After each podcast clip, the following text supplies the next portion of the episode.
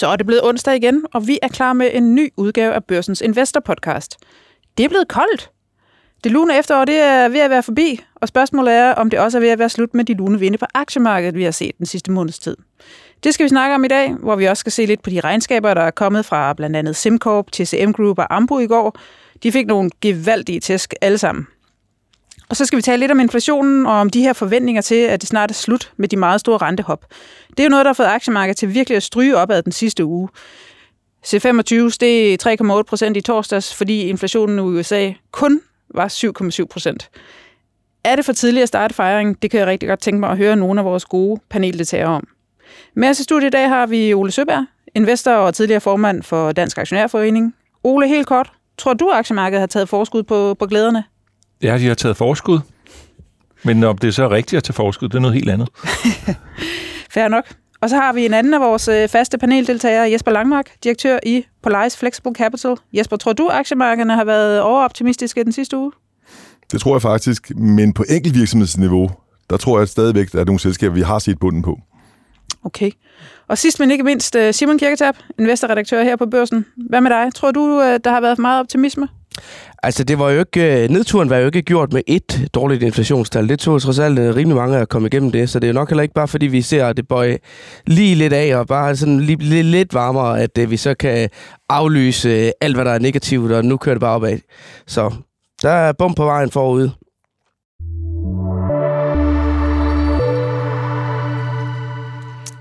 Regnskabssæsonen den er ved at lagt mod enden, og generelt har det egentlig set øh, meget fornuftigt ud for, for mange selskaber. Men i går der fik vi øh, en række Q3-regnskaber, som, som skuffede på den ene eller den anden måde. Øh, det var blandt andet øh, Kursjojon Ambo, øh, der kom med en skuffende prognose for det kommende år, og så havde vi Simcorp, hvor regnskabet også var præget af få nye kontrakter og et betydeligt lønpres også. De endte begge to betydeligt nede på dagen med henholdsvis øh, minus 14 procent til Ambo og minus 5 procent til Simcorp. Ole, du har jo SimCorp-aktien øh, som en af dine øh, udvalgte til vores øh, All-Star-portefølje. Øh, gjorde det ondt i går? Nej, ikke på Jeg tænker jo langsigtet, men det gjorde ondt på den måde, at det reducerer muligheden for, at vi har noget, vi kan øh, dele ud i, når der skulle være overskud på porteføljen. Så øh, på den måde var det selvfølgelig ikke godt på kort sigt.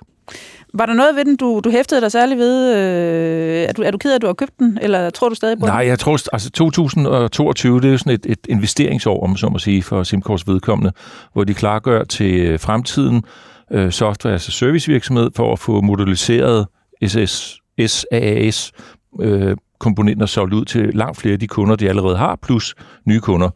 Øh, så de har jo allerede fladet, at det vil være et, et år, hvor der ikke var nogen fantastisk positiv udvikling, hverken i salg eller indtjening. Men når man så kigger, så fastholder de guidance, vel at mærke, nede i den lave ende. Så jeg sad så og kiggede lidt på historikken, fordi her i fjerde kvartal, så skal de, øh, hvis de skal løbe så hurtigt, som de guider, så vil det være det bedste salgskvartal nogensinde. Og det betyder, hvis man så måler fjerde kvartal, øh, i, i år, så skal de omsætte for cirka 220 millioner euro, og de har aldrig lavet sådan en hop før, så det tror jeg ikke sker. Så du tror øh, simpelthen, at de, de tidligere til fjerde kvartaler, hvor det, altså hvis jeg måler fjerde kvartal mod fjerde kvartal i de 10 år, så, er, så har de typisk været i stand til at hoppe eller øge omsætningen med 15 millioner euro på et kvartal. Eller for, på, mål på den periode. Ikke? På den her måde skal de altså øge det med, med 40, så det tror jeg ikke. Jeg tror, de lander pænt under deres revenue guidance. Men omvendt, så kan de jo holde lidt igen på omkostningerne. Så deres, øh, jeg tror faktisk, de kommer i mål med deres indtjeningsguidance. Det betyder så, at her i fjerde kvartal på mine meget lavere omsætningsforventninger, så skal de have en ebit på 27 procent, og det er jo faktisk inden for det interval, de selv guider. Ja. Men, men der står jo også noget med det her med lønpres, at de, sådan noget, altså software, IT og sådan noget, der, der er jo noget, sådan nogle, nogle mangel på folk, ikke? Ja. Øh, tror du, det er muligt at holde det, øh, de øh, omkostninger nede? Man kan forsøge, men der er ikke, øh, det er jo ikke sikkert, det lader sig gøre. Men der kan man jo eventuelt, i stedet for at generelt bare øge lønningerne, det er jo ikke kun for SimCorp, men sådan i det hele taget, der kan man jo så give øh, en øh, inflationsbonus eller sådan en indgangsbetaling for ligesom at imødekomme de øgede udgifter, som almindelige familier har. Men altså, overliggeren på det regnskab her, det var vel egentlig, at det var en mindre nedjustering, de kom med, fordi de var ude at sige i forhold til deres omsætningsvækst, at øh, den kommer til at ligge i det nedre ende af det interval, ligesom at ud 7-12 procent i år. Ja. Det er vel ikke noget, man kan lide at høre som investor? Nej, det er en nedpræcisering. Ja. Det er aldrig godt. Det er også derfor, den faldt øh, 5%. og så mangler de, som Hardy sagde initielt, at de mangler altså at komme med nogle ordre. Ja, Men, men der lød det, som om de var positive på orderflow her i fjerde kvartal, så det må USA, tiden jo vise. Ja. Ja, altså, fordi noget af det, jeg der var hæftet mig ved også, det var øh, administrerende direktør Christian Krohmann, der var ude og selvfølgelig fortælle om uro og usikkerhed øh, på markederne, men øh, også, at øh, de kunne melde ud om en større aftale i USA. Øhm, ja, uspecificeret, Ja. ja. må så må sige. men det er vel sådan noget, man så kan håbe på, der kan måske trække det der fantom øh, kvartal hjem. Ja, altså det bedste vil jo være, hvis de melder, at vi har fået fem nye aftaler med nogle store asset managers. Det vil jo ligesom øge troværdigheden til det hele, ikke? Øh, men det tror jeg ikke sker. Altså, ja, de udviklinger, der er i asset management-industrien i år, hvor du har kursfald, der er faktisk rigtig mange af dem, der har mindre AUM. Samtidig har asset management... AUM, Ja, Assets det Under er ass- Management. assets under management. Samtidig så er der altså også lønstigningspres i øh, asset management-industrien, og det vil sige, der er et generelt pres. Det er jo ikke den situation, du går ud og køber et nyt IT-system. Du venter lige lidt til at afvente, eller afventer til tingene er lidt mere øh, klar igen. Øh, så, så det tegner jo ikke sådan super godt for SimCorp på den korte bane. Nej. Jeg er nu meget fortrøstningsfuld på den lange bane, fordi det ved Jesper jo alt om. Når man først har købt SimCorp, så har man jo trådt ud i kviksandet, så bliver man jo siddende som kunde. Ja, det, det, det er meget stærkt. Jeg har været bruger siden øh, 1998 af, af SIM-kort her. Det hed TMS 2000 dengang. Vi installerede nykredit helt tilbage i tiden. Og igen, det er meget, meget sticky. Altså, når først kommer ind i systemet, så kommer man ikke ud igen. Og en anden ting, der er meget, meget smart i deres model, det er, hvis man beder om en ekstra feature, det kan være, at man gerne vil handle japanske optioner eller dansk realkredit, så laver de et modul til dig, du betaler for, men alle andre får glæde af det. De kan sælge til alle andre og fakturere for det. Så du betaler bare Ah. for R&D-udvikling Ja, ja, basalt ja. set. Ikke? Så det er jo en ret stærk model, de har, må man bare sige. Ja, det må man sige. Men jeg synes faktisk, SimCorp er sådan en aktie, hvor jeg har i hvert fald mødt rigtig mange investorer over de seneste år, som sådan grundlæggende er positiv på selskabet, siger, at det er, øh, det er et godt selskab, det er en god aktie. Alligevel så er aktien næsten halveret over de seneste halvanden to år. Jamen, jeg, jeg tror skuffelsen, jeg mener det var i 2016, eller også var det 15, at de kom ud og sagde, at nu vil de gå over på en øh, cloud-baseret SaaS-løsning, i stedet for at man, øh, primitivt sagt, at du får en floppy disk, og så, eller en CD-ROM, og så går du hjem og sætter det ind i en computer hjemme i kælderen hos virksomheden. Øh, den rejse har jo ikke... Øh, vel, nu har jeg ikke lige tjekket tallet, hvad der var i går, men de er jo slet ikke i nærheden. Altså, penetrationen på SaaS øh, løsning er jo under, og det er en 25 procent eller sådan noget af alle kunderne, ikke? hvis det ikke er mindre end da. Så, så den skulle have gået meget hurtigere. Så det hænger i bremsen. Ja, men det er også derfor, at de har bremset op i indværende år, investeret i at lave nogle øh, moduliseringer, som nemmere kan sælges fremadrettet, og så kommer accelerationen de kommende år. Så kom der den der joker for nogle øh, måneder siden, hvor de lige pludselig blev nævnt som et muligt opkøbsmål. Hvordan ser I to på det i dag? Der er jo ikke noget nyt om det, og d- sådan nogle ting må man aldrig investere efter, fordi det er, det er altså timingen sådan noget helt umuligt at forudsige. Men der er jo, det er jo et åbent fort, øh, som faktisk har en god voldgrav rundt om sig, i form af, hvordan virksomhederne beskyttede sig selv. Men derfor kan man jo ind og købe det hele. Og, og den mulighed har vi jo stadigvæk frem til årets slut i den her konkurrence. og der er, der er, som jeg har nævnt på et af de tidligere programmer, når man lytter lidt ind i, hvad siger virksomhederne, så generelt set, så er der enorm fokus på at få forbedret sit cashflow. Og hvis du ikke, når du så sidder med det her gode cashflow, og du lige pludselig har en net cash-position, så øger det jo sandsynligheden for enten aktietilbagekøb eller udbytter, når du ikke kan finde noget at købe. Men der begynder også at være mange ting, der er interessant at købe ude i markedet generelt set. Ja, det tror jeg faktisk, at den administrerende direktør var ude at sige ved seneste regnskab, at de faktisk selv kiggede på opkøbsmuligheder. Men man skal huske i forbindelse med opkøb, nu taler jeg bare generelt, det er selvom aktievurderingen er faldet måske 30-40% for mange selskaber, så kræver det en præmie at byde på et selskab, som også typisk er Ja. måske 30-40%. Plus at den finansiering, man kan lave til at købe det her fra bankerne, også markant mindre, end man kunne for et år eller to år siden. Bankerne er blevet mere selektive, hvilke sektorer de låner ud til, og hvor meget det giver op. Og det gør så også, at det er lidt sværere at lave de her opkøb, end man umiddelbart tror. Hvad er det for nogle øh, sektorer, de, øh, de er bekymrede for? Jamen, det er særligt øh, de, de byggerelaterede øh, sektorer, og så forbrugerrelaterede sektorer. All right. Og dem Jamen. falder SimCorp ikke lige ind i. Nej, dem falder de jo heller ikke øh, rigtig ind under. Det her med software as a service, de her SaaS, de, øh, det er ikke sådan rigtig noget øh, her for Jensen, de, de bekymrer sig voldsomt om. Nej, altså du har jo et ret stabilt uh, cashflow mm. i virksomheden, så det kan du sikkert godt gå ind i banken og få, hvis du har tænkt dig at købe hele Ja. butikken. At få et godt lån på. Sikkert. Jesper, øh, når du ser på de regnskaber, der kom i går, er der så noget særligt, du hæfter dig ved? Øh, det er jo nogle forskellige brancher, øh, netop øh, forbrug, medicinal, øh, software. Øh, er der noget, du har hæftet dig ved? Jamen, helt generelt kan man sige, at øh, for de fleste virksomheder, der er toplinjen under pres. Mm. Samtidig med omkostningerne også stigende, det vil sige, at det kommer pres på marginalerne. Og herudover kan man også se, at virksomheder er meget forsigtige med at guide. Bare Q4 et kvartal frem, det er enormt svært at forudse, hvad bliver det? Og 2023 endnu sværere. Så hvis jeg var CEO, ville jeg også være meget konservativ, fordi det trods alt bedre overraske positivt end negativt. Så derfor er det enormt svært at guide for virksomheden i øjeblikket.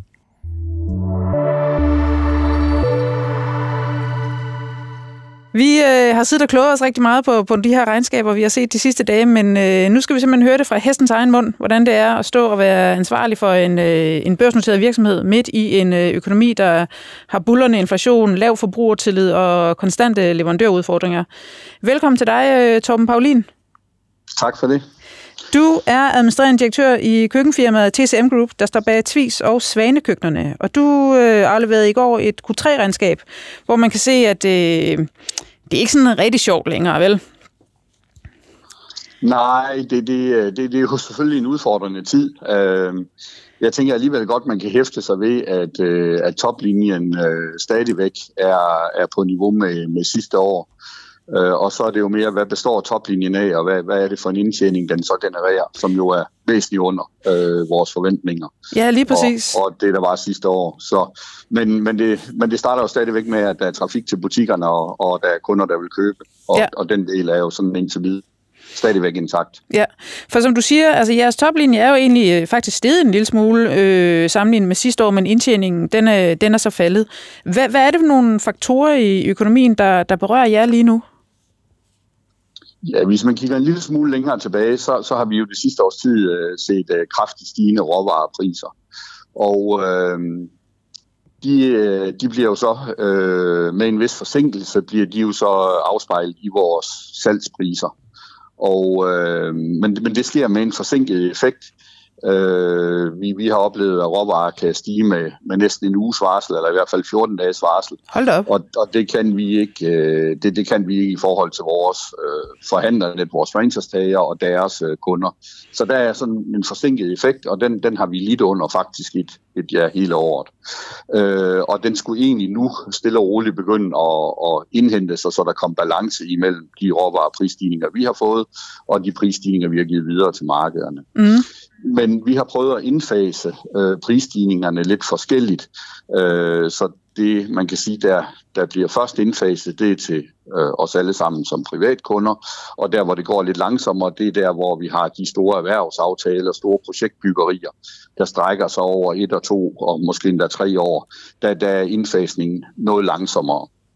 Og så oplever vi det i, øh, i vores tredje kvartal, som er det, vi har offentliggjort regnskab for, øh, og specielt i slutningen af kvartalet, at øh, vores omsætningssammensætning, vores salgsmix, som vi kalder det, i højere grad består af erhvervsomsætning øh, og mindre grad privatforbrugere. Så det er, og, det er de private, der først øh, ligesom trækker følehornene til sig, eller hvad? Måske. Øh, det, det kan man faktisk heller ikke sige helt entydigt. Øh, men, men vi havde jo øh, en, hvad skal man sige, en sommer, hvor alle kunne rejse igen, både kunder og sælgere og øh, vi har ualmindeligt godt været i både juli og, og august, så, så der var der nok noget mindre trafik til butikkerne, og, og det er jo så det, vi mærker øh, leverings- og udfaktureringsmæssigt i september og oktober. Så, så i hvert fald lige øh, i september var der lidt færre eller lidt mindre privat andel øh, end normalt, og, og der er en lidt større øh, erhvervsandel. Og på erhvervsdelen har vi de laveste, øh, har vi de laveste marginer, og øh, når salgsmixet så forskyder sig på den måde, ja, så bliver vores indtjening automatisk øh, ringere. Og det er så yderligere forstærket af, at den erhvervsdel er den, der får indfaset salgsprisstigningerne senest, og dermed bliver vi dobbelt ramt. Hej Torben, det er Simon Kirketab her. Tak fordi, at øh, du har lyst til at være med her i dag. Vi har sådan flere gange i podcasten her sådan kredset lidt øh, rundt om øh, TCM Group, fordi det er jo sådan forbrugerrelaterede selskaber, som står først for skud i, øh, i den inflationskrise, vi er i lige nu. Og der er vi jo ligesom kommet til et par gange at nævne jer som, øh, som et af eksemplerne. Så det er jo rart sådan lige at få nogle ord på fra dig selv i forhold til, hvordan I mærker det. Øh, og man kan i hvert fald sige, at jeres aktiekurs, den har man da kunnet mærke det på, øh, nede med 55 procent i år, og I vist også været ude med to nedjusteringer tidligere. Altså, udover det med prisjusteringer, sådan, hvad, hvad, hvilke knapper drejer I så på i, øh, i forretningen lige nu? Øh, Tilpasser I kapaciteten også og den slags? Jeg tror, at det, det, det første har vi jo allerede justeret på både øh, sidste år og, og, og to gange i år, hvor, hvor vi har øh, lavet salgsprisstigninger, som følger de råvareprisstigninger, vi, øh, vi ser. Og, og som jeg siger, der er en forsinket effekt i det, men, men over en tid, så kommer der jo balance i det igen, og dermed er der egentlig mitigeret for, for de råvareprisstigninger. Øh, og, og det er jo egentlig det, der er, der er vores, øh, der har været vores udfordring. Så kan det så være, at de her mørke skyer, der er øh, forbrugertillid, øh, husmarkedet med øh, færre solgte huse, øh, typehusfirmaerne rapporterer om væsentligt færre salg af, af nye huse osv. På et eller andet tidspunkt rammer det os jo. Og, øh, og, og det vil sige, så, øh, så gør vi jo det, at vi siger, så skal vi have skruet ned for vores kapacitet. Øh, det er, hvor vores timelønnet er jo vores, øh, altså vores største variable omkostning, den kan, man, øh, den, den kan man reagere på. Det har vi gjort i september, hvor vi har øh, reduceret lidt bemanding i form af, at vi har nedlagt vores, øh, vores nathold. Men, men, men vi justerer egentlig altid kapaciteten på den her tid af året, og det gør vi løbende, så, så det tilpasser vi jo til den øh, efterspørgsel, der nu måtte være. Og så er det klart, at øh, i forventningerne om, at der kan komme mere opbremsning, jamen, så begynder vi jo at kigge på alle omkostninger. Det kan være øh, de mere faste omkostninger som øh, funktionære ansatte, det kan være marketingomkostninger, det kan være alle mulige driftsomkostninger. Og, og det, øh, det, det, det presser os selvfølgelig også til at kigge endnu mere ind i, hvilke effektiviseringsmuligheder har vi. Og, og der har vi selvfølgelig også nogle, og det er jo så nogle af dem, vi, vi fokuserer på også i øjeblikket. Nu er det så godt vi har egentlig mange håndtag, vi kan, ja. vi, kan, vi kan gribe i. Det er vel lidt sådan fra asken til det her, at komme øh, ud af corona, hvor øh, folk sad derhjemme og kunne bruge en masse penge på, på deres indretninger, så til at lige pludselig man virkelig holder igen nu. Men, men det er det, der stadigvæk er en lille smule spændende og udfordrende, og som I sagde lige inden, at jeg, jeg stødte til det der med at kunne kigge ud i fremtiden, er faktisk meget, meget tåget, fordi vi har stadigvæk en fornuftig ordreindgang, vi har stadigvæk fornuftig søgning til butikkerne, og, øh, og vi har jo udover Svane og Tvis brandene, som I nævnte, har vi også vores Nettoline og vores online forretning Celebert, som jo er mere nede i DIY-segmentet. Og, og vi har jo faktisk fornuftig trafik til alle, øh, alle segmenterne, til alle brandsene. Så, øh, så, så nu kan man jo ikke se noget, der minder om den opbremsning, der er i forbrugertilliden. Ola og Jesper, hvad tænker I om sådan en aktie som TCM Group? Jeg, jeg tænker... Hej Torben. Hej. Uh, jeg tænker, øh, hvad er sådan trend i, på den lange bane? Hvor, hvor, hvor meget vokser køkkenmarkedet? Der må være noget, der er volumen, og så må der være noget, der er pris. Hvordan den udvikling er på den lange bane. Og så, når vi sad hjemme i coronaperioden, hvor meget den omsætning, der ellers skulle have ligget i 22, øh, altså 2000, øh, i 23, 24, 25, 26, hvor meget blev den flyttet hen til 2020, 21 stykker øh, hvordan det kommer til at påvirke forretningen de følgende år. Så et eller andet sted, så tror jeg, vi skal hen øh, 4-5 år, før vi ligesom ser, hvad er egentlig trend i det her, øh, og så må, man, så må du så nok leve med, at der er en volatil periode undervejs. Men jeg er ikke sådan dybt inde i, i øh, hvordan øh, finansielle forhold er, og hvordan markedsdynamikken er for TCM, så jeg har ikke sådan en synderlig indsigt eller en net present value øh, en på, hvad virksomheden burde være værd. Jeg synes, det er et godt produkt, de leverer, og øh, der er substans i virksomheden, men det er klart, at øh, jeg er meget negativ for forbrugeren. Jeg tror, at forbrugeren bliver endnu hårdere ramt, end man regner med næste år. Altså den negative effekt af, af stigende renter og negativ realløn er først lige startet nu. Så jeg tror, at 2023 bliver et meget hårdt år. Plus du får også, folks renteomkostninger stiger også, når flekslånene stiger her i starten af året. Så jeg tror, at 2023 bliver et rigtig hårdt år. Og det rammer alle, uanset hvor dygtig man er, så er det svært, når der kommer sådan makro makromodvinde. Og der er det vigtigt, at en virksomhed at have en plan B og hurtigt kan tilpasse sin omkostningsbase til nyt øh, miljø. Så derfor som investor er jeg jo meget på påpasselig med den her type virksomhed, må jeg sige. Tom, øh, bare lige her til sidst, øh, og tusind tak, fordi du vil være med. Nu er det sådan lidt et, øh, jeg beklager, lidt et, et fodboldagtigt spørgsmål her, men, men når, man, når man har en, en, en øh, ja, faktisk stigende omsætning, og, og, og du har de her håndtag, som du har trukket i, og du forventer, at øh, de her prisstigninger kommer igennem og, og, og holder hånden under jeres indtjening. Øh, hvordan er det så at, at aflevere et, et regnskab til et marked, som du ved er, er nærmest hysterisk og, og, og, og svinger på selv de mindste, mindste dårlige nyheder? Ja, og som svinger, øh, også uden at vi egentlig har været ude med nogle meddelelser, når, når vi nu også følger vores konkurrenter, der Jamen, er kollegaer i branchen, så, så, så sker der mange, øh, mange mærkelige ting i løbet af, af perioden, uden at man egentlig, egentlig kan forklare det. Mm. Øh, jeg tænker, vi, vi har fået vi, vi har fået korrigeret vores aktiekurs øh, af flere gange, altså lidt ligesom hver gang der bliver skrevet eller talt om det, så får den et nyk nedad. Så da vi kom med vores nedjustering, så skete der øh, skete der ikke noget, og, og da vi så kommer med det officielle regnskab, jamen, så får den trods alt alligevel et dyk nedad. Ja. Men, men, men den burde jo egentlig have fået det, da vi kom med nedjusteringen. Så jeg synes, det er, det, det er svært, at, svært at kigge ind i, og svært at spå om, hvornår det lige sker, øh, og, og hvad det reagerer på. Mm. Men, men altså, kursen er jo nu... Øh, 30, 30 kroner, 30 procent under det virksomheden blev, blev børsnoteret til for, for ret præcist øh, fem år siden. Mm. Øh, forhandler netværket, øh, brandsnes positionering på markedet osv. og en masse andre ting er, er væsentligt bedre stand end, end dengang. Så, så jeg tænker egentlig, at, at, øh, at, at det selvfølgelig må bunde i noget, frygt for fremtiden, som I også nævner, at, at næste år kan godt blive et, øh, et hårdt år for forbrugerne, og, og det er jo derfor, vi også gør nogle ting allerede nu, sådan ret til de omhu. Så set ud fra det, så er TCM Group et bedre køb i dag, end for fem år siden, da det blev børsintroduceret. Hvis man sådan lige skal trække to streger under det. Ja, jeg, har også kigget, jeg har også kigget på aktiekursen, og det er jo egentlig lidt specielt at se, hvordan den, øh, den falder meget kraftigt, da corona rammer, og så stiger kursen ellers voldsomt derfra. Og nu er den så faldet voldsomt igen, faktisk ned til under bundniveauet under corona.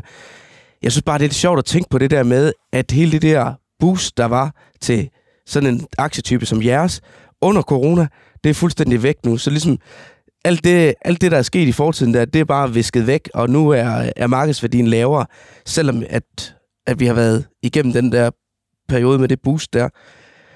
Det viser... Det er lavere, end det den blev børsintroduceret ja. til i november 17, ikke? Væsentligt under det niveau. Det er en hård tur. Men man kan se, at den svenske konkurrent Nobia har haft fuldstændig samme kursudvikling i år. Den er faldet 58 procent på samme måde ja. som TCM, og havde den samme udvikling under corona.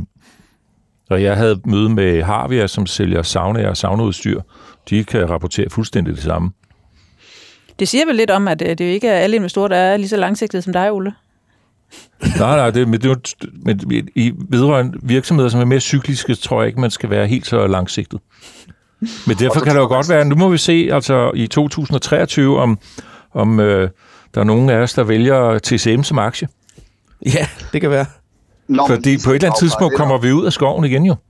Ja, men når hvornår det bliver, det er der ingen, der ved. Og, og skille det med alligevel, så, så er der jo nogen, der, der har en høj grad af automatisering og meget standardprodukter, hvor vi jo er øh, fuldstændig ordreproducerende, har en høj grad af specialisering og, og, og made-to-custom øh, øh, ønsker. Øh, og dermed har vi en større andel af, af variable omkostninger i form af timelønnet og selvfølgelig råvarer og fragt, og har derfor mere, mere at justere på. Øh, ja. Så må, jeg, må jeg spørge en kort ting? Også lige på. For ja. Jeg sidder bare, det kan godt være, at databasen, jeg bruger Refinitiv database, det kan godt være, det er lidt forkert. Men lad os sige, at omsætningen er gået fra 800 millioner om året til lidt over en milliard. Øh, men bruttomagen er så faldet fra omkring 30 til, til 22 procent i samme periode. Så enten skal du så sætte priserne op, således du holder bruttomagen, eller også øh, skal du justere i omkostningsbasen for at, eller i hvert fald din, din uh, cost of goods sold, øh, ja. for at få og, og forbedret lønsomheden der? Der, der er to gange te- teknisk i det, og så er der en gang det her med råvarepriserne og implementeringen, indfasningen af salgspriserne. Ja. Øh, ved, ved børsnoteringen øh, havde vi både en online forretning øh, i virksomheden, den har vi solgt fra, øh, og det vil sige, at vi mister noget af, af hvad skal man sige, slutbrugermarginen, fordi den nu ligger ude i, øh, i et andet selskab. Og vi øh, drev selv en af svanebutikkerne på Gamle Kongevej i København, og den er også ude af det. Og de to ting koster faktisk et par procent på, på bruttomarginen. Okay. Så det, det, det er sådan noget teknik, som, hvor virksomheden er anderledes end dengang. Ja. Og så er det den her øh, indfasning af, af salgsprissstigningerne og effekten for den. Og, og de prisstigninger, vi har oplevet, er jo, er jo ganske betragtelige, så det, det, det fylder mere end, end det, man har været vant til og, og årlige reguleringer. Tak. Super. Jamen, du Torben, tak fordi, at du ville være med. Øh, vi ønsker dig selvfølgelig alt muligt held og lykke, og vi glæder os til ja, at se øh, årsregnskabet. Tak for invitationen. God dag til jer. Tak i lige måde. Godt. Hej.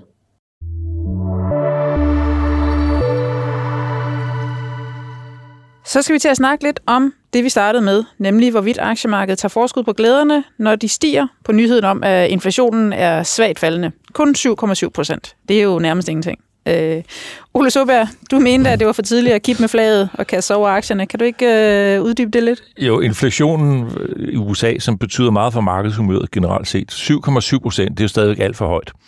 Øh, styringsrenten i USA er 4 procent, og Fed har fladet, at den skal hen omkring 5 procent. Så det kommer den. Øh, hvor hurtigt den kommer, det ved jeg ikke, men den skal længere hen, og det betyder altså, at det bliver meget dyrere for forbrugerne, både på boliglån, som er variabelt forandret, og på ens kreditkortlån og alt muligt andet, så kan man altså se frem til, at man skal betale meget mere i renteudgifter.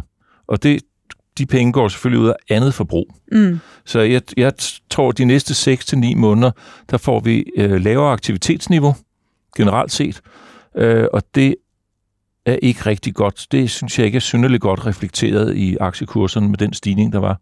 Jeg kan sagtens forstå psykologien i, at nu kan man sige, ja. okay, nu begynder inflationen at køre nedad hurra, hvor det går, men den er altså ikke nede endnu. Så at centralbankerne holder poten på bremsen, og det bliver de ved med hen til påskeferien eller tidlig sommer næste år, tror jeg. Men Jesper, er det ikke meningen, at aktiemarkedet skal være sådan en 6-9 måneder foran? Det plejer det at være. Men øh, altså, det var positivt tal, fordi mm. det var bedre, end man havde regnet med, og også lavere end, end sidste måned. Mm. Så det er positive ting. Jeg tror bare med overfortolker. Jeg tror, at centralbankerne hellere vil stramme for meget end for lidt, belært af, hvad der skete i 70'erne.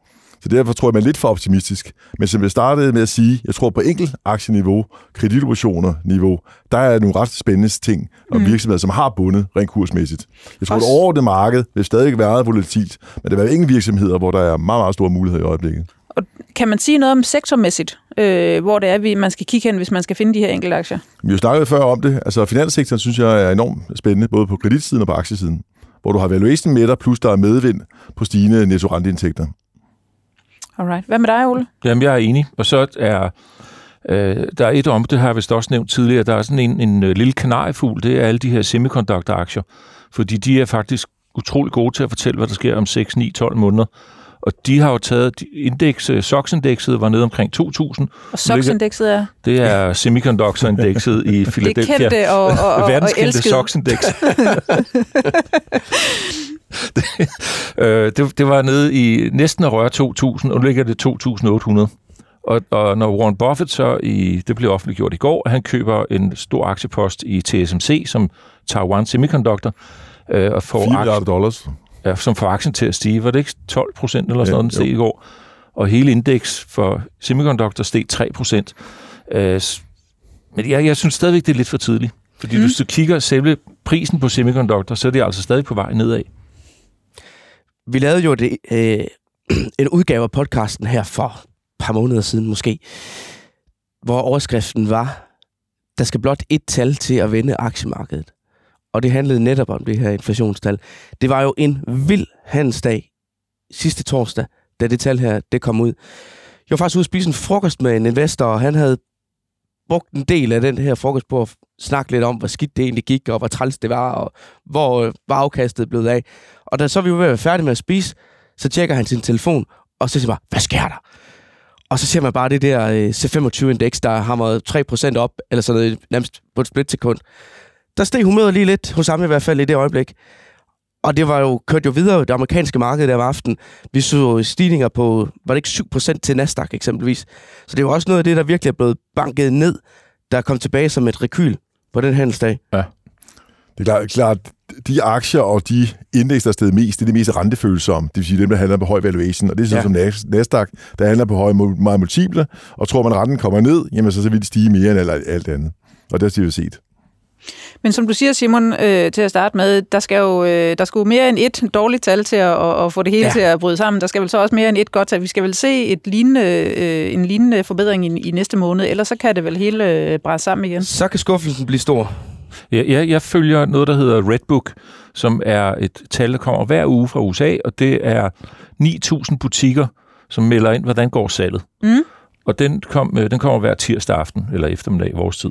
Uh, den var 6,2, eller slået 6,8 i går, og det er den laveste observation de sidste to år. Og hvad viser okay. den, undskyld? Den viser, hvor meget omsætning stiger i butikkerne. Okay. Men i og med, at du har inflation på 7,7 procent, og salgsvæksten i butikkerne er 6,8, så har du faktisk en negativ økonomisk vækst implicit. Uh, det skal så bekræftes af en hel masse andre økonomiske indikatorer, og så når vi får fjerdekvartalsrapporterne, så kan vi sikkert se lidt mere om det her. Men Walmart var også ude at sige, at de så faktisk en øh, øget trafik i deres supermarkeder, mm. men sjov nok, så var det mere velhavende amerikanere, altså husstanden med mere end 100.000 dollar i årlig indtægt, som stod for hovedparten af den øh, markedsandel øgning, de havde, fordi folk går hen i Walmart og køber billige produkter. Men det er jo ikke nødvendigvis et jubelscenarie. Det der heller, hvis man sådan ser overordnet set på markedet. Tirsdag, der kom det her månedlige fund manager survey fra Bank of America Merrill Lynch, hvor de spørger ud globalt til jeg kan ikke huske, hvor mange globale fondmænd det er, men det er et eller andet astronomisk milliardbeløb, ja, de, de forvalter. Styrer. Ja, ja. Ikke antallet af fondmænd. Nej, nej, nej, nej, men, øh, men beløbet, de har under forvaltning. Og det var langt over 80 procent af de adspurgte nu, der forventer, at vi ender i et scenarie med stagflation. Altså, hvor inflationen hammer der ud af, men hvor samtidig den økonomiske vækst egentlig er negativ. Ja. Og jeg kan da huske i starten af året, da vi ligesom begyndte at virkelig tage fat om det her emne, der tror jeg, det var Rasmus Sederholm i, hvad er det for en pensionskasse? AP. Ja, som sagde, at det ville være den ultimative ballade på aktiemarkedet, hvis vi kom dertil. Så det er vel ikke bare godt, Ole, at øh, tallene ser sådan ud, eller hvad? Nej, altså hvis man har lyst til at være negativ, så kan jeg sagtens komme med 10.000 argumenter på, hvorfor det hele skal presse fuldstændig sammen. Det, de rentestigninger, der er nu, de er, øh, når du tager den amerikanske statsgæld, så vil øh, udgifter til renter for amerikanerne vil være større end forsvarsbudgettet i 2024. Og, og de kører med kanon budgetunderskud. Jeg tror, de skylder 30, 30 trilliarder dollar væk nu. Øh, og det er jo en, en, i forhold til finanskrisen, der var gælden omkring 12, 12 øh, trilliarder. Så det er altså de sidste 12-15 år har vi haft en enorm udvidelse af statsgælden, Øh, heldigvis så private og virksomheder opført sig lidt mere fornuftigt, men øh, statssystemerne de er altså ude i en ret uholdbar langsigtet situation, og højere renter er gift for dem. Har vi nogle højere tal, vi kan få på bordet i dag? Nu er både milliarder og trillioner. ja, jeg kan ikke huske, hvad trilliarder hedder på dansk. Jeg forvirrer dem altid, de her. Men der skal vel være en periode, hvor der hvor forbrugerne har det rigtig svært. Ikke? Det, er, vel, det er vel ligesom det, der får inflationen ned. Det er jo den mindskede efterspørgsel. Ja. Så der er vel nødt til at være den ja. her periode på, lad os sige, et, et, ni måneder, et år, hvor det hele det ligesom virker til at bræse sammen, men så kommer lidt op igen. Og det er vel det, aktiemarkedet på en eller anden måde skal tage forskud på. Ja. Jeg, jeg, jeg tror, man skal have... I stort set har du også haft nogle overnormale, kan man sige, profitkvoter. Går man helt tilbage i historiebøgerne og kigger på lønudvikling og produktivitet, der hang de to sammen Altså, når produktiviteten steg, steg lønningerne også. Mm. De sidste 15-20 år, der er sige, afkast på kapitalapparatet steget voldsomt i forhold til lønningerne. Og der tror jeg, jeg vil sige, at nu lyder det rent socialistisk, at, ja, at arbejde med kræve større... Det der var kommet ja, ja, ind her. Men, men, men, men, men, men arbejder med kræve en større del af kagen, basalt set. Og derfor tror jeg også, at lønstigningerne fremadrettet vil blive større. Der kommer mere lønpres. Og derfor tror jeg også, at den strukturelle inflation ikke kommer ned på de 2%. Det bliver måske mere 3-4%, vi skal vende os til. Så vi skal vende os til lidt højere inflation, højere renter end historisk set. Det betyder så for de finansielle øh, aktivklasser med aktier, at de får det sværere i de næste 10 år, end de gjorde det forgangne 10 år. Plus, du har ikke centralbanken til at hjælpe. Tidligere kom der problemer på aktiemarkedet, så kom centralbanken og hjælp. Det er det ikke råd til længere. Men Heidi, det er jo hovedet på sømmet det der med, at dårlige nyheder for økonomien er nærmest gode nyheder for aktiemarkedet i øjeblikket, fordi vi har den her inflation, vi gerne vil have ned. Præcis. Og det er jo ikke lige det scenarie, vi så normalvis går og tænker er drømmescenariet for aktier. Men lige i det her tilfælde, så er det faktisk ikke helt skidt. Nej, det er jo, øh, som Josefine Setti sagde øh, sidst du var herinde, øh, good news er bad news, og bad news er good news. ja. Men det er, vi skal have altså, noget, der skal ned, det er, eller noget, der skal op, det er arbejdsløsheden. Ja. Fordi beskæftigelsesmarkedet har det udmærket, så det er løndannelsen, som skal øh, ned på et, et niveau, så, det også, så der ikke kommer inflation derfra. Og så skal alle de her fysiske varer, vi køber, de skal nok komme ned i pris. Det er, der er alt for store lager, så det kommer helt af sig selv. Øh, men det er de der mere bløde faktorer, som også skal kvæles fuldstændig. Så jeg kunne komme med, det kan blive et meget langt program, det her. Men, øh, Lad os for guds skyld øh, holde den der. Nu tror jeg, vi tager en øh, lille breaker her. For vi skal nemlig også nå at have en opdatering på vores All-Star-portefølje. Øh, vi har jo snakket om øh, SimCorp, øh, som øh, hvad hedder det, du stod for, Ole. Jeg skal bare lige nævne, det er Saxo Bank, der har givet os 600.000 kroner at lege med til den her portefølje, og øh, der har været lidt udskiftning, Simon. Ja, det har der. Nina Movin var jo inde sidste onsdag og sagde, at nu skulle Danske Bank ud af porteføljen. Den case havde ligesom udspillet sig via, at øh, den her bødestørrelse var blevet meldt ud 15,5 milliarder kroner. Også en slat. Ja, de fik aktien til at stige omkring 20 procent, så vi tog øh, gevinsten hjem. Og så sad hun jo sådan og overvejede lidt, hvad skulle det næste så være i porteføljen? Hun nævnte Lundbæk, hun nævnte Ambu, hvor øh, hun hæftede sig lidt ved, øh, at det ville være meget spændende, at de kom med en ny øh, strategi her i forbindelse med regnskabet.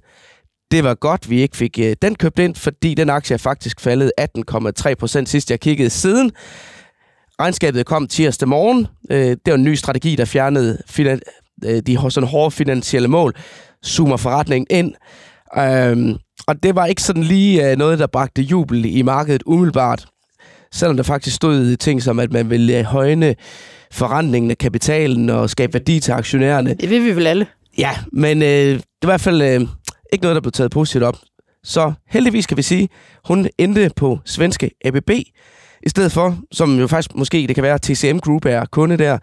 Øhm, fordi de er, det er et selskab, der er globalt førende øh, inden for teknologi til øh, elektrificeringsprocesser, øh, robotter, industriel automation og den slags. Og den har indtil videre lige givet et afkast på 1,3 procent, så der er ikke den helt store jubel over den endnu, og jeg tjekkede sådan lige, hvad analytikerne egentlig siger til den. De ser et begrænset øh, afkastpotentiale i det, men øh, Nina må uh, tro hårdt på den, siden uh, hun tager den ind. Ole og Jesper, er der nogen af jer, der kender ABB? Jeg tror, jeg skrev min første ABB-analyse i 1989. Ja. så det, jeg, jeg har fulgt den i mange, mange år. Og når Var det køb eller salg? Jeg har ikke nogen for øjeblikket, men... Øh, Om dengang? ja, det var køb. Der kunne man kun finde ud af at lave analyser, hvis det var noget, folk skulle købe. så... Øh, øh, altså, det, det er en meget stor butik med alle mulige forgreninger i ingeniørverdenen. Og, og de har nogle super kompetencer inden for robotsystemer. Robot, øh, systemer hvis man går ned til en bilfabrik, så er der en del ABB-maskiner øh, derinde. Og så er de gode på øh, hele den elektrificering af, af verden. Det vil de også nyde godt af. Men jeg har ikke set, hvad kursmålen er. Men som jeg husker det, jeg har faktisk en, en, en nutidsværdi-model på den stadigvæk, som jeg bare opdaterer en gang om året, så er fair value her omkring 300-350. Er det ikke der, den ligger? Den ligger i 327 lige nu. Ja, så det, men det kan være udmærket aktie i, i et øh, lidt nervøst marked. Vi har fået lidt medvind på den svenske krone allerede, så ja, der kan komme medvind fra flere Alt sider. tæller. Ja, Så er det med. så er det hele med. Mercedes, det er en aktie, det er længe siden, vi har hørt om. Den har du købt, udover Ja, SimCorp. den har, altså lige i dag falder den så 4%, uden at der er noget nyt, øh, så vidt jeg kan se. Øh, men den har faktisk gået udmærket i betragtning af, at øh, biler, det er jo ikke det, man sådan lige tænker, det det, vi skal eje nu, når vi alle sammen er på vej ind i en periode med lavere øh, privatforbrug. Men øh, Porsche-triggeren, den har jo fungeret med en del øh, tidsforsinkelse. Men nu er der en ny trigger, det er Renault, de er ved at carve out, eller udskille deres øh, øh, elektriske bilsegment, og der regner de med, at de kan få en værdi på 10 milliarder euro for den enhed. Kigger man så på, hvad der er tilbage over det gamle Renault, altså diesel- og benzinbilerne, så koster de 9 milliarder euro. Så der er altså værdiskabelse her. Det fik mig så til at tænke på, øh, Porsches var et frasalg fra øh, Folkevogn. Øh, de snakkede jo om at frasælge Lamborghini også, men så kommer Renault faktisk med en ret øh, frisk måde at sælge elbilsdivisionen. Og det fik mig til at tænke på, hvad skete der for 25 år siden i teleindustrien, og fordi der ikke ved det, så arbejdede jeg i TDC en periode. Men der var det meget populært for de traditionelle teleselskaber at frasælge deres mobildivisioner, og så på den måde få krystalliseret værdierne i vækstkomponenterne, der lå nede i øh, de gamle teleselskaber. Og det kan da godt være, at den samme rejse nu begynder at starte på bilindustrien. Det må tiden vise. Det kunne være en trigger, der vil noget. Men du skulle have været inde i går i stedet for. I hvert fald i forhold til at måle afkast på Mercedes, fordi i går var vi positive på det. Ja. Der var vi, lå vi op med lige 1% øh, siden vi købte den. Nu er vi så lige dykket ned under igen. Men i det hele taget er det jo gået forrygende i porteføljen de seneste halvanden måned. Vi var jo helt nede og havde et porteføljeværdi på under 500.000. Og efter det der enorme rally øh, sidste torsdag, så kom vi jo helt op på en porteføljeværdi på 610.000. Nu er vi så lige dykket ned under det, vi kan sige er stregen der, som virkelig tæller noget, så vi er, vi er i minus med 6.000 kroner på porteføljen lige nu. Men Jesper, et af de ting, der ligesom også er trukket op, det er det her øh, International Petroleum Corporation, som du har købt. Der har virkelig været medvendt til den aktie også på det seneste, og vi har en afkast på den på 11% lige nu. Det er den, der følger øh, olieprisen. Det er korrekt, ja. og i år har det faktisk 120% i afkast, så det er endnu bedre, kan man sige. Det er lige timing, hvor man kommer med i aktien her. Men det har været super god aktie i år, men den korrelerer meget med olieprisen, det er ingen tvivl om. Samtidig med, at vi taler om tidligere, de er gode til at have en god kapitaldisciplin. De kan ligge og købe egne aktier op.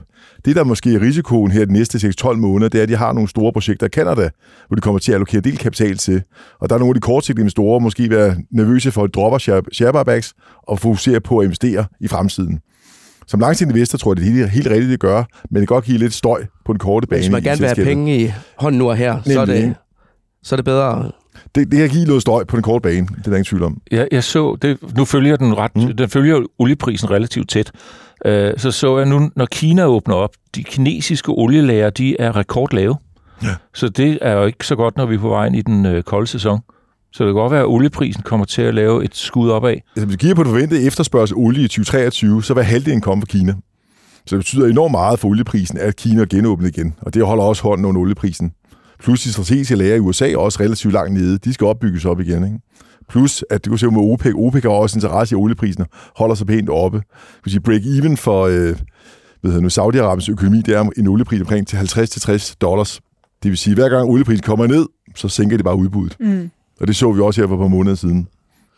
Så der er Asbury, vores amerikanske bilforhandler. Ja. Den, den fik også, også et, et rebound. Det lavede et fornuftigt regnskab, men det fik også rebound efter inflationstallene. Og igen, det nyder godt af, at folk ikke tror, at vi får en dyb recession og bliver mere en blød landing.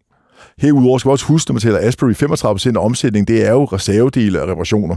Så når bilerne bliver ældre, så skal det altså repareres. Der er selvfølgelig gør det selv typerne, men, men de fleste går trods alt på et værksted stadigvæk. Så der er også noget beskyttelse i en mere downside-scenarie. Plus valuation er stadigvæk lav på selskabet. Og i år har aktien faktisk givet et afkast på 5%, og i danske kroner 15%. Nu handlede Nina sig i sidste uge. Er der, er der nogen af jer, der overvejer at lave udskiftninger her? Taktisk kunne man godt gøre det, men jeg, jeg vil være langsigtet. Ja, jeg vil egentlig også helst være langsigtet. Faktisk det er ikke for at genere Nina, men hvis der var noget, så ville jeg faktisk købe Danske Bank. Okay. Men, øh, Fordi de her jeg har du muligheden for at skifte en af dine ud og så til Danske Bank? Ja, det har jeg ikke forberedt til i dag, så den, tror jeg, den må vi lige overveje om det. Øh, jeg nævnte det i, jeg talte med Gro forleden dag, hvor jeg nævnte det i øh, en artikel, der var mandag i børsen. Vi kan lige ja, sige, at GN Store Nord har jo været den helt store trækhest i porteføljen, efter vi købte den ind for et øh, par måneder siden snart, tror jeg. Den ligger vi op med 36,5 procent på. Den er lige droppet lidt de seneste dage, men har været rigtig, rigtig god. Og nede i bunden af porteføljen har vi stadigvæk Hello Fresh, som dog kun har et tab på 30% lige nu. Jeg tror, vi har været helt nede med minus 45% på den. Men det er meget sjovt at se sådan en portefølje her, hvor meget værdierne egentlig forskyder sig, fordi GN Store Nord, værdien af vores post der, den er 71.000. Hello Fresh er nede på 35.000. Så øh, GN er, er dobbelt så stor som, som Hello Fresh. Og vi har købt sådan gennemsnitligt fra 50.000 i alle aktierne til at starte med. Hvis man vil se hele porteføljen, så øh, lægger vi et link ind i podcast-teksten, så man kan gå ind på Saxo Banks hjemmeside og se præcis, hvad vi har i porteføljen og hvordan den performer.